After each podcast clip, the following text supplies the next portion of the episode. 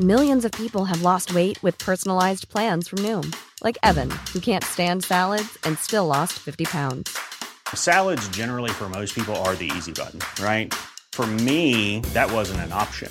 I never really was a salad guy. That's just not who I am. But Noom worked for me. Get your personalized plan today at Noom.com. Real Noom user compensated to provide their story. In four weeks, the typical Noom user can expect to lose one to two pounds per week. Individual results may vary. Det kommer gå fint. Måste jag ha glasögon kanske? jag, jag känner mig lite intelligentare när jag har Ja. glasögon på mig. Eh, Du har ditt vatten. Ja, Du har stängt av din telefon. ja. Har du läst på ordentligt? Inshallah. Nu kör vi ni vet. Mm.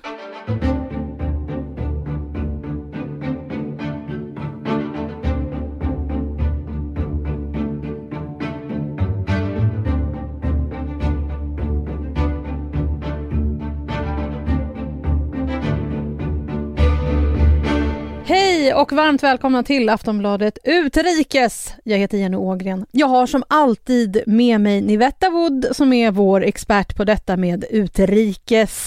Hej och hallå!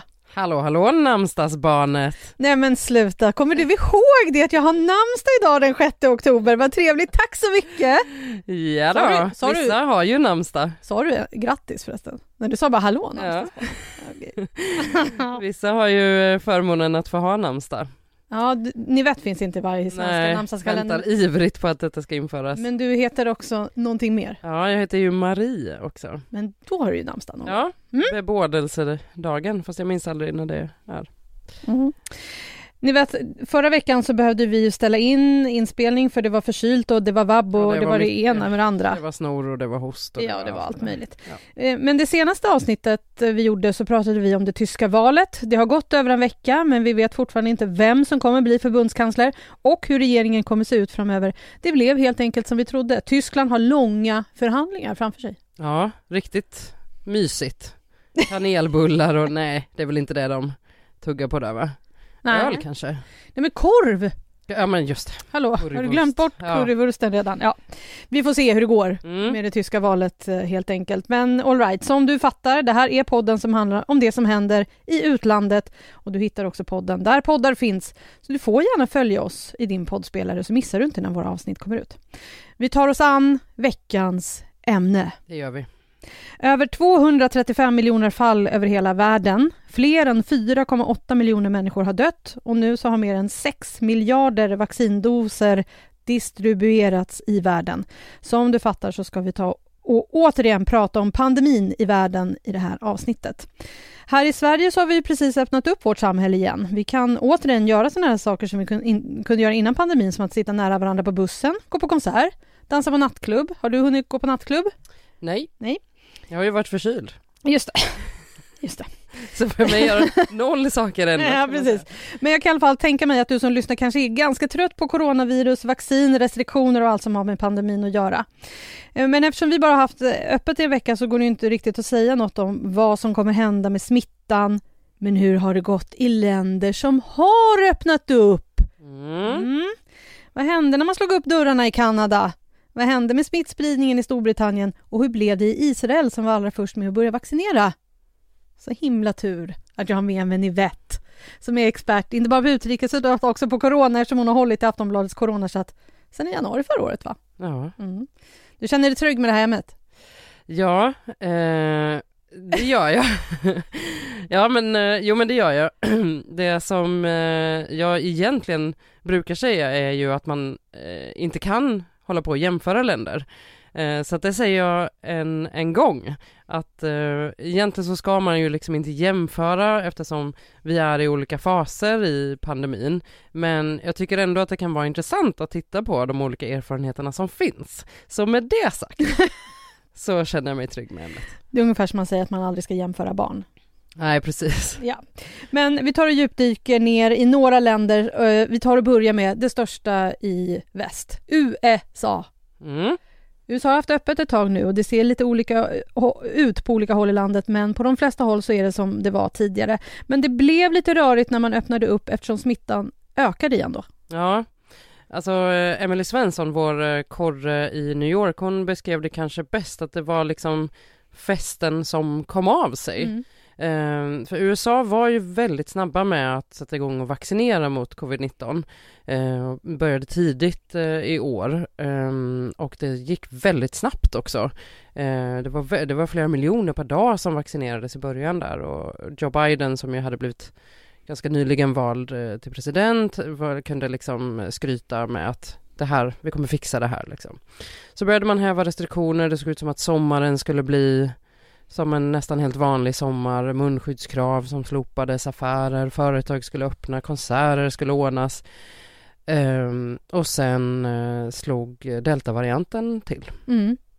Eh, och det har lett till ökade smittotal igen i flera delstater. Eh, vi har skrivit många gånger om överbelastade sjukhus i olika delstater, men också att vaccinationen efter den här första liksom skjutsen så har det gått trögt eh, och då är det liksom i ganska stora grupper som det går trögt. Mm. Ehm, Så de som, de som var snabba och ivriga med att vaccinera sig, de har vaccinerats men det är rätt stora grupper som fortfarande är eh, ovaccinerade.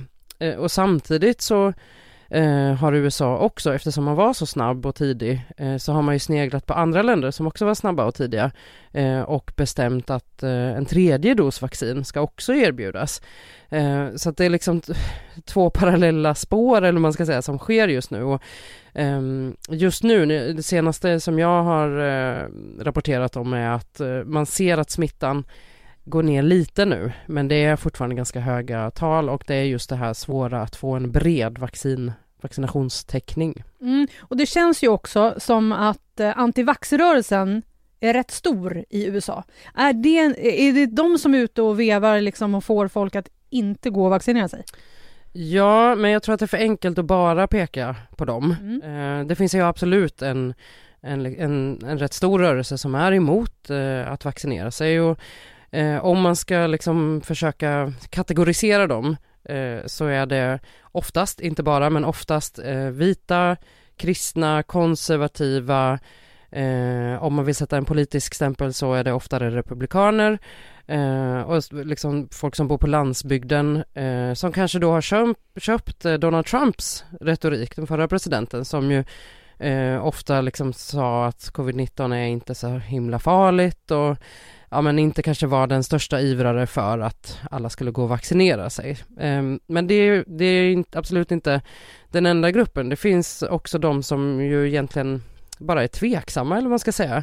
Eh, för det här med att man var så snabb i USA, det behöver inte bara vara, det var liksom inte bara positivt utan det gjorde ju också att man, eh, när man godkände de här vaccinen så eh, gjorde man ett nödgodkännande. Mm. Eh, och det var ju därför det dröjde lite mer för oss i Europa till exempel, för att där valde man ju via alltså Europeiska läkemedelsmyndigheten inte att nödgodkänna utan att man, det fick ta lite längre tid eh, så att liksom försäkringar täcker lite mer biverkningar och liknande.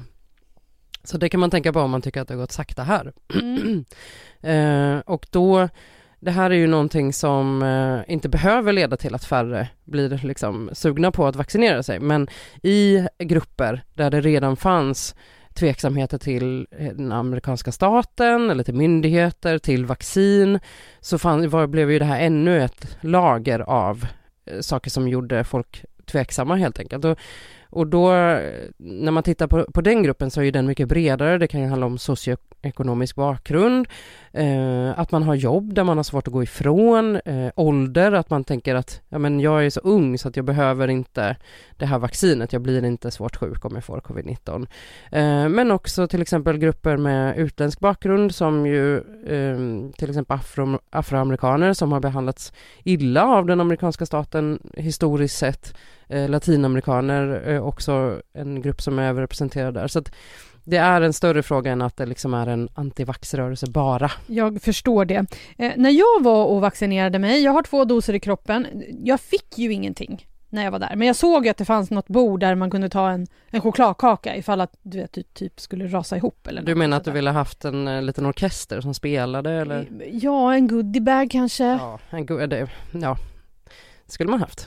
Ja. Nej, jag vet, alltså nej, Man fick ett litet inte. Vi skojar ju lite nu.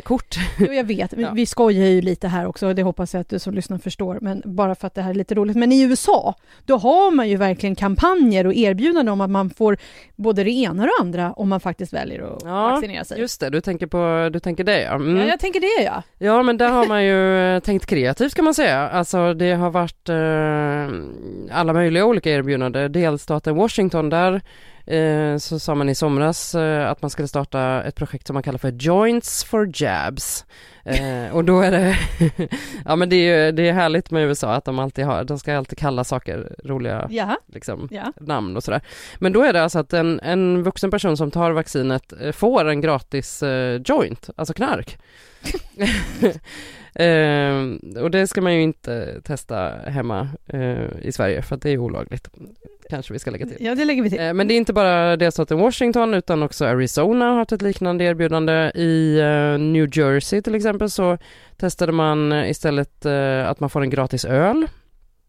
Eh, Och sen så eh, har man ordnat eh, lotteri av olika slag i andra delstater, antingen till exempel för att få unga att vaccinera sig, att man kunde få så här stipendier till college, som ju, det är ju en, en dyr sak Mm.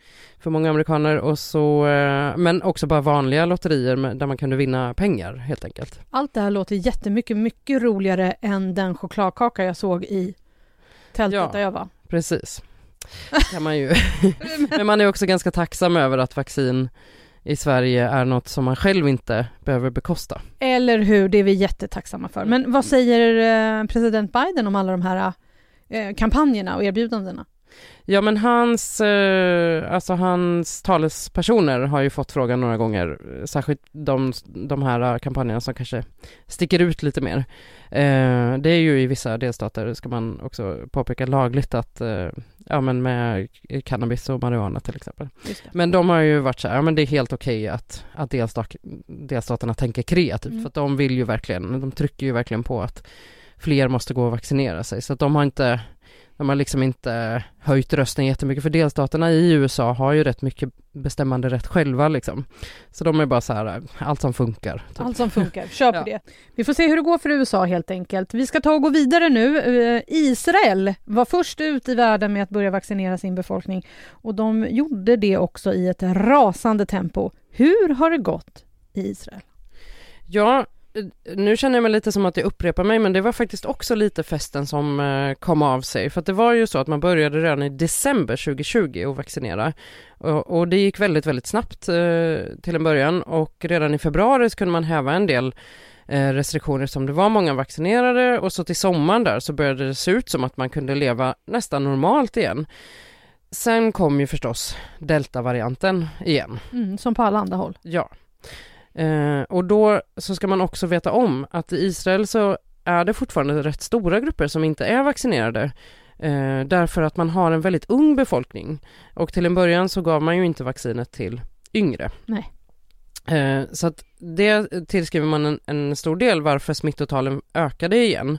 Eh, men man kunde ju också se det här med att eh, vaccinerade eh, också blev eh, sjuka igen. De behövde inte sjukvård i lika hög grad som de ovaccinerade men, men en del av dem behövde faktiskt eh, sjukvård också. Eh, och det var ju då som, eh, som man började prata om det här med hur länge skyddar vaccinen egentligen? Ja, och den senaste tiden så har det ju, precis som du säger här nu, eh, diskuterats om vaccinskyddet, hur länge det håller. Det har varit larmrapporter kan man säga om hur länge vaccinet verkligen skyddar. Sneglar man då på Israel eftersom de var först ut? Ja, precis. Eh, och det är också Israel som blev först ut med eh, det här med tredje dos. Eh, därför att eh, det här är någonting som verkligen som forskarna tvistar om. Hur länge skyddar vaccinet? Eh, alla är liksom ense om att vaccin minskar ju skydd efter en tid, men hur lång den här tiden är, det är det som man håller på att forska rätt rejält på nu. Och, eh, vad innebär det till exempel att antikroppsnivåerna sjunker? Betyder det att skyddet försvinner? Nej, det måste det inte betyda. Alltså det här är verkligen den stora heta frågan. Mm. Eh, och Israel har ju, ehm, kan man säga, kört på linjen att vi kommer alla behöva en, en tredje dos och att man redan efter fem månader behöver en påfyllnadsdos påfyllnadsdos. Eh, så numera så ger man en, en påfyllnadsdos till hela befolkningen över 12 år. Om man bara jämför med Sverige, vilket Ja. vi inte skulle göra, men nu gör vi det ändå.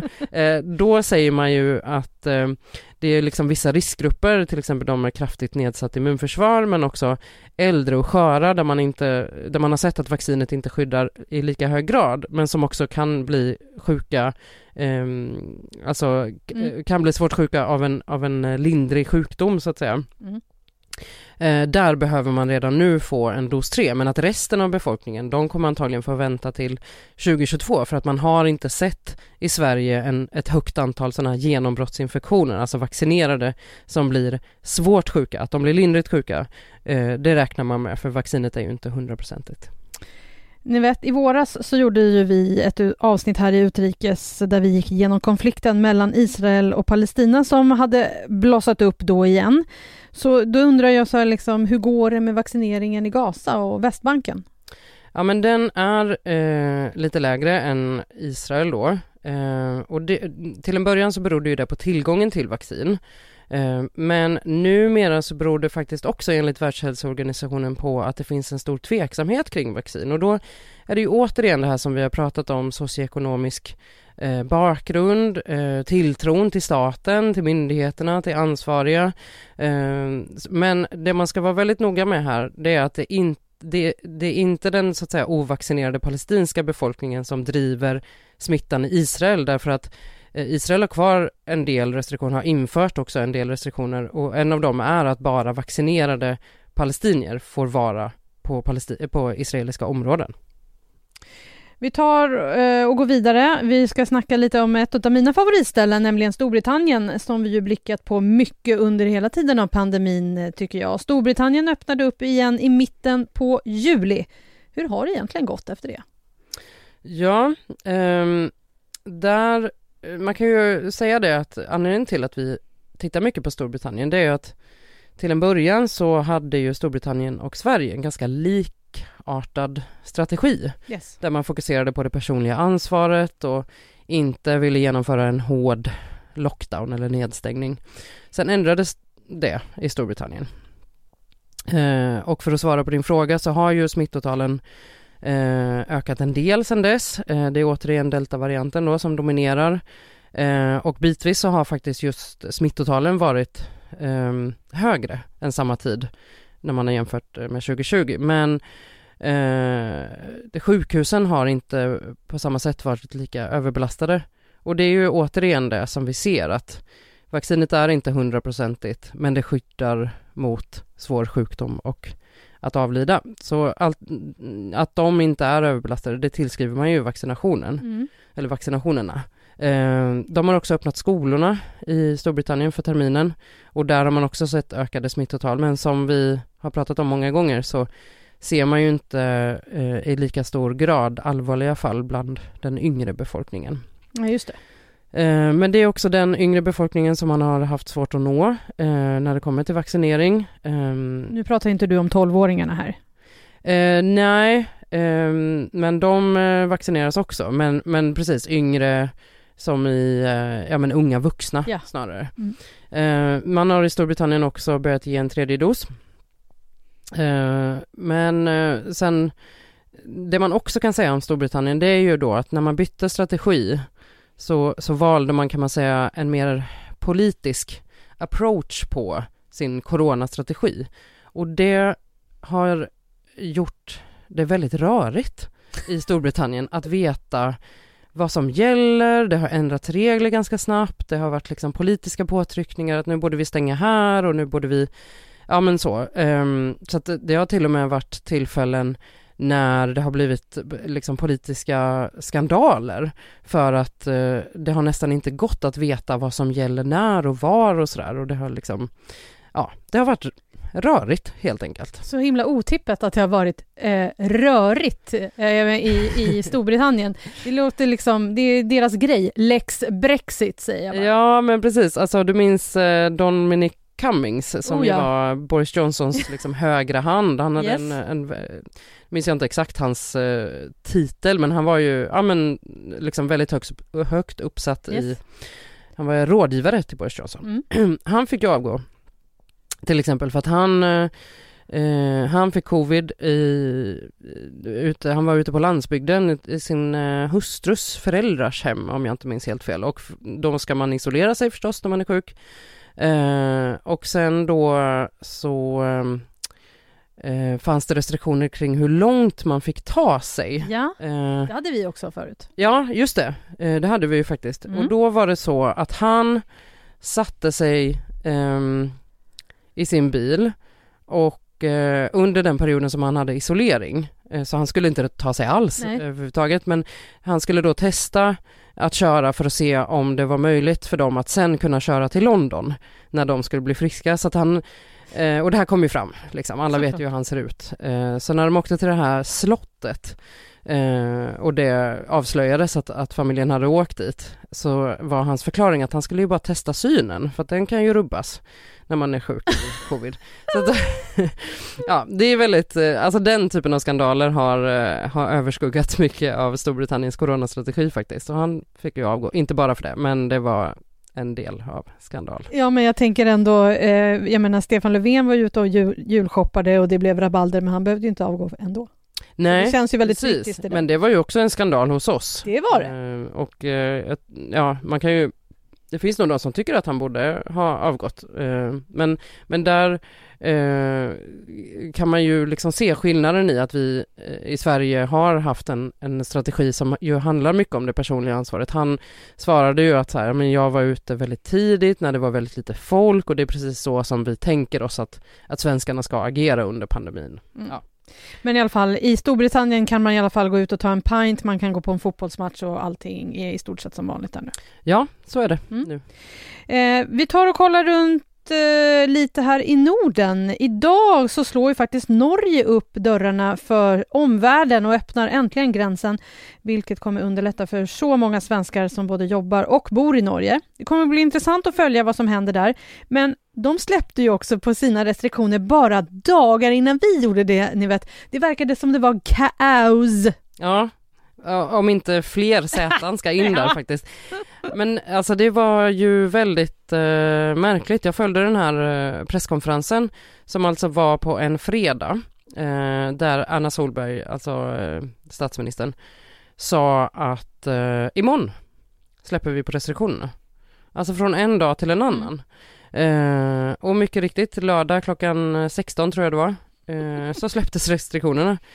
Och jämför då med, jag säger inte vad som är rätt eller fel, men jämför med att i Sverige så var det ju ehm, en, en, som en trappa liksom och sen en vecka innan den 29 september så gick regeringen och Folkhälsomyndigheten ut och sa att ja, vi, det kommer funka, vi, vi, kommer, vi kommer att häva restriktionerna 29 september. Så att det blev ju en jättefest Ja, eh, Men- i Norge. Ja, och, och samtidigt så typiskt Sverige bara, vi håller på att trappar upp och trappar ner. Norge bara, vi kör nu, Ja. pang bom. Ja men eh, lite så, och sen ska man också säga att Norge har haft väldigt hårda restriktioner. Det har de haft. Ehm, och, och där har man också såklart eh, varit väldigt noga med att säga så här vi pratar inte om datum utan vi pratar om data. Vi följer inte datum utan vi följer data Mm. för smittspridning, hur det ser ut och eh, så. Men eh, jag tror att det var rätt många som tyckte att det där gick alldeles för snabbt. Eh, för att det kom väldigt mycket kritik mot eh, att man hävde den typen av eh, restriktioner som fanns, alltså att man fick gå ut och klubba och gå på restauranger eh, liksom till en, ja, tills det stängde helt Yes. enkelt och inte till en, en kortare tid så att säga. Mm. Så att, eh, men vi får se hur, eh, hur det blir där med smittotalen. Det får vi se. Mm. Eh, Jag tänker vi ska kolla lite på våran granne i söder, Danmark. Mm. Det är ju också ett land som vi också sneglat på mycket under pandemin. Och det är faktiskt inte så länge sedan de öppnade upp samhället. Nej men exakt, eh, de hävde alla restriktioner den 10 september och då var man faktiskt det första EU-landet som gjorde så. Eh, samtidigt så sa man också att covid-19 inte var en samhällsfarlig sjukdom längre. Eh, och att man tillskrev då den väldigt lyckade vaccinationskampanjen, alltså faktiskt en av de mest lyckade kampanjerna i världen. Eh, om man bara ska titta till hur internationella medier beskriver det.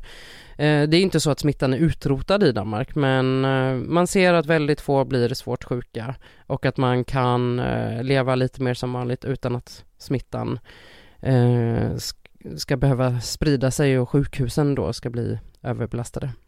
Men varför har det gått så bra för Danmark under pandemin? Ja, men det här är ju sånt som liksom, analytiker och experter älskar att gräva ner sig i och liksom, ja, titta på, och det här kommer ju statsvetare prata om i evigheter och jämföra olika länder, fast man inte skulle jämföra. Som. Men eh, det som nämns är att eh, man i Danmark har en väldigt hög tilltro till staten och till myndigheterna, att man gör det som myndigheterna säger till en att göra, precis som här i Sverige. Eh, men det ska, det ska sägas att, att eh, det kom eh, kritik mot att Danmark eh, stängde ner ganska tidigt och att man stängde ner till exempel skolorna. Eh, någonting som man har pratat om ganska mycket i efterhand, hur mycket det var politik bakom det och hur mycket det faktiskt var så att säga folkhälsa eh, och den typen av eh, indikatorer som man följde. Eh, så ehm, eh, man skulle ju inte jämföra, men, men just Sverige och Danmark är ganska eh, intressanta att jämföra för att vi är väldigt lika eh, som länder men mm. har gjort ganska olika under coronapandemin. Eh, ja, och varför är, varför är det så olika mellan våra länder då? Jo, men då finns det en rapport som jag har nördat ner mig i för att jag tyckte att det här var väldigt intressant som har tagits fram då på alltså danska folketingets begäran eh, om just eh, den danska pandemibekämpningen och då eh, har forskarna där eh, sett när de har jämfört Danmark och Sverige att man i Danmark såg det ganska tidigt som en fråga för politikerna. Eh, medan i, i Sverige så blev det ju mest en fråga för myndigheterna och då framförallt Folkhälsomyndigheten. Och det eh, tror forskarna beror på myndighetsstrukturerna i Sverige. Eh, för här, eller i Sverige respektive Danmark då, för här är ju folkhälsofrågorna fokuserade till en myndighet, Folkhälsomyndigheten. I Danmark så har man en, en eh, ganska bred uppdelning av folkhälsofrågorna. Det finns åtminstone fyra myndigheter som har liksom jobbat med covid kan man säga. Och där var det så, alltså i båda länderna så går, ger ju myndigheterna råd, men då blev det liksom fyra myndigheter i Danmark som, som gav råd till regeringen och det gjorde att man liksom fick flera olika vinklar på pandemihanteringen och sen blev det i slutändan politikernas sammanvägning av alla de här olika som blev ett beslut. Medan det i Sverige ju eh, alltid har varit liksom Folkhälsomyndigheten eh, som har hållit i taktpinnen. Det har ju också fått rätt mycket kritik att Absolut, det är Folkhälsomyndigheten nästan som bestämmer enligt mm. vissa eh, och att regeringen liksom följer väldigt noga vad myndigheten säger. Så att eh, eh, det här har liksom följt med hela tiden. Jag sa ju det här med skolorna att jag fick mycket kritik för att det var kanske snarare ett politiskt beslut och ända fram till det här med att öppna Danmark så har det också varit liksom politikerna som har satt tonen. Det föregicks av en debatt om att nu är det dags liksom, mm. att öppna och sådär. Mm. Men jag, jag måste ändå bara säga så här att jag längtar ganska mycket till Danmark. Ja, grannarna En öl, liksom. en ja. öl och en pölse. Ja, det här är liksom... Åker vi snart? Det, vi åker. Det här är öl och pölse och currywurstpodden börjar jag känna nu. Det är mycket, mycket sånt. Det är mycket mat, mycket ja. dryck. Matpodden. Okej, då tar vi oss vidare nu då. I mars i år så fullkomligt exploderade smittan i Indien efter att ha varit relativt förskonade från corona, även om mörkertalen i landet förmodligen har varit ganska stora. Vi fick då se fruktansvärda bilder när, det, när de brände döda på gatorna. Det kändes som om det var långt ifrån under kontroll. Bland annat så rapporterades det om en stor brist på syrgas på bland annat sjukhusen. Eh, och I ett land med över en miljard invånare så är dödssiffran ändå relativt låg. Nära 500 000 har dött i Indien. Men hur är det nu, ni vet? Ja, men det man ska ha med sig här det är att mörkertalet mest troligtvis är väldigt, väldigt stort. Det är mycket som inte rapporteras, exempelvis på landsbygden i Indien. Um, den här smittovågen som du pratade om som man såg i mars-april, den pågår fortfarande i Indien men man har eh, lyckats få ner eh, talen något. Eh, om det beror på att några fler har vaccinerats eller om det då är att många har blivit immuna på grund av att de har antikroppar mot covid-19, det är lite svårt att säga. Det är så att många fortfarande avlider med covid-19 eh, och som sagt stor risk för underrapportering. Mm. Och det är eh, verkligen så att landet är ärrat av den här fruktansvärda smittovågen som drog fram i våras och eh, regeringen har verkligen fått eh, återkommande väldigt hård kritik eh, för att man inte har tagit smittan på tillräckligt stort allvar. Bara kort innan eh, den här andra vågen sköljde över landet så eh, hade regeringen faktiskt sagt att nu har vi vunnit över coronaviruset, för man hade haft väldigt hårda restriktioner innan dess och sa att nu kan vi börja släppa på dem. Eh, man tillät stora folksamlingar, festivaler, eh, den här coronakommittén som regeringen hade tillsatt, de träffades inte särskilt ofta längre, så att premiärministern Narendra Modi har fått väldigt stark eh, kritik för hur situationen sen utvecklade sig. Ja, och sen undrar man ju hur det är med vaccineringen i landet, för Indien är väl ändå en stor tillverkare av vaccin? Ja, och det är också väldigt tragiskt på något vis att det är jättesvårt att nå ut med vaccinationer till människor på till exempel då landsbygden, återigen där det eh, också är svårt att veta hur faktiskt covid-situationen ser ut. Eh, så att det är eh, rätt så hemskt att det faktiskt är så att Indien är en av de största vaccintillverkarna men man har inte lyckats vaccinera särskilt många eh, och som sagt smittan härjar Eh, om, det kan man, det är verkligen, om det är någonstans man kan använda det ordet så är det faktiskt i Indien för att samtidigt då så eh, har man öppnat upp delvis för att kunna få igång ekonomin eh, men vissa eh, områden som skolor är till exempel fortfarande stängda. Mm.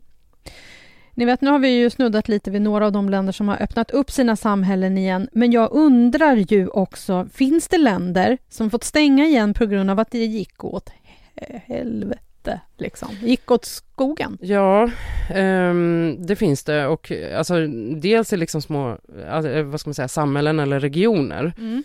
uh, så finns det runt om i hela världen. Men uh, om man ska ta två exempel så, så sticker ju Kanada och även Nederländerna ut faktiskt.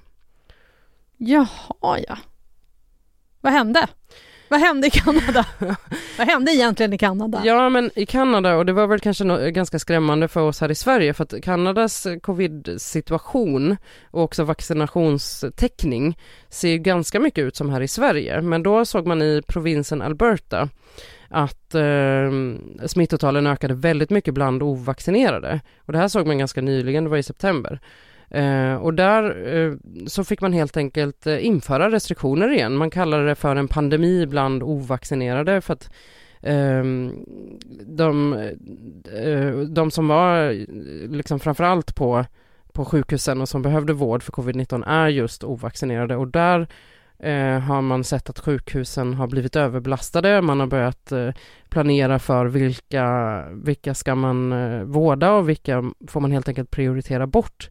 Eh, och som sagt, eh, då fick man helt enkelt eh, erkänna att nej men vi hävde restriktionerna för tidigt och nu behöver vi tillbaka till munskyddskrav och liknande.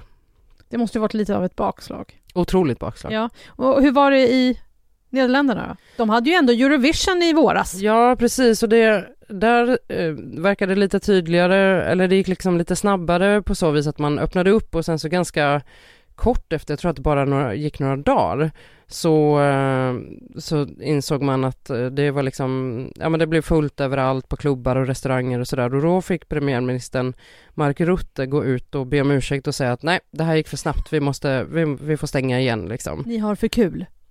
Ja, ja men lite så. Alltså det blev ju, man eh, skulle kanske ha gjort det stegvis till exempel. Det, det är svårt att säga för att man ska ju som sagt inte jämföra men, men eh, solklart är i alla fall att det gick för snabbt och smittotalen ökade väldigt snabbt och man fick återinföra vissa restriktioner. Men Nederländerna är ändå på gång? Ja precis, nu har, det här var ju somras så mm. nu har faktiskt smittotalen eh, minskat igen och man börjar titta på att eh, häva en del eh, restriktioner och vissa har man till och med kunnat häva. Vi får se hur det går för hela världen helt enkelt och framförallt så tycker jag att det ska bli spännande, även om det här är en podd som handlar om utrikes, att se hur det går för Sverige nu när vi har haft, när vi kommer ha öppet. Ja, förhoppningen är ju att det inte ska eh, leda till ökade smittotal, att det är därför man tyckte att man kunde göra de här eh, uppöppningen för att tillräckligt många har vaccinerat sig. Att det, om det blir utbrott så blir det liksom små så att säga klusterutbrott mm. just bland personer som inte är vaccinerade, att det inte ska liksom störa hela samhället så att säga. Så att eh, vi som är vaccinerade inte ska behöva ha hårda restriktioner, utan nu har det blivit rekommendationer för de som inte är vaccinerade. Vad längtar du mest efter? Alltså jag längtar efter att få um, följa den här nyheten mot sitt slut om man kan säga så. Som nyhetsreporter är det ju på något vis en stor, ett stort privilegium att få följa en så stor nyhetshändelse från början till slut och jag längtar tills den dagen då vi kan säga att vi är klara med den här nyheten. Och jag tänkte säga, jag längtar efter att gå på en konsert. Såklart, det är jag också. Men du, ni vet, nu är vi klara för idag. Det är vi. Eh, tusen tack. Eh, och är det så att du eh, som lyssnar fortfarande inte har tröttnat helt och hållet på i, nyheter om corona så kan du ju bara följa eh, vår livechatt på Aftonbladet där Nivette eh, skriver med er i stort sett varje dag om vad som händer med pandemin runt om i världen och i Sverige. Eh, vill ni oss någonting tills vi är tillbaka nästa vecka, om alla är friska och krya på hemmaplan. Det ska vi vara. Ja, det ska vi vara. Så når du oss på utrikes aftonbladet.se. Och som vanligt hittar du podden där du hittar poddar. Vi hörs snart igen. Tack för, ni, tack för Nivette. Tack för Nivette. Jenny Ågren och Nivette säger tack. Hej, hej! Tack, tack. Hej! Du har lyssnat på en podcast från Aftonbladet. Ansvarig utgivare är Lena K Samuelsson.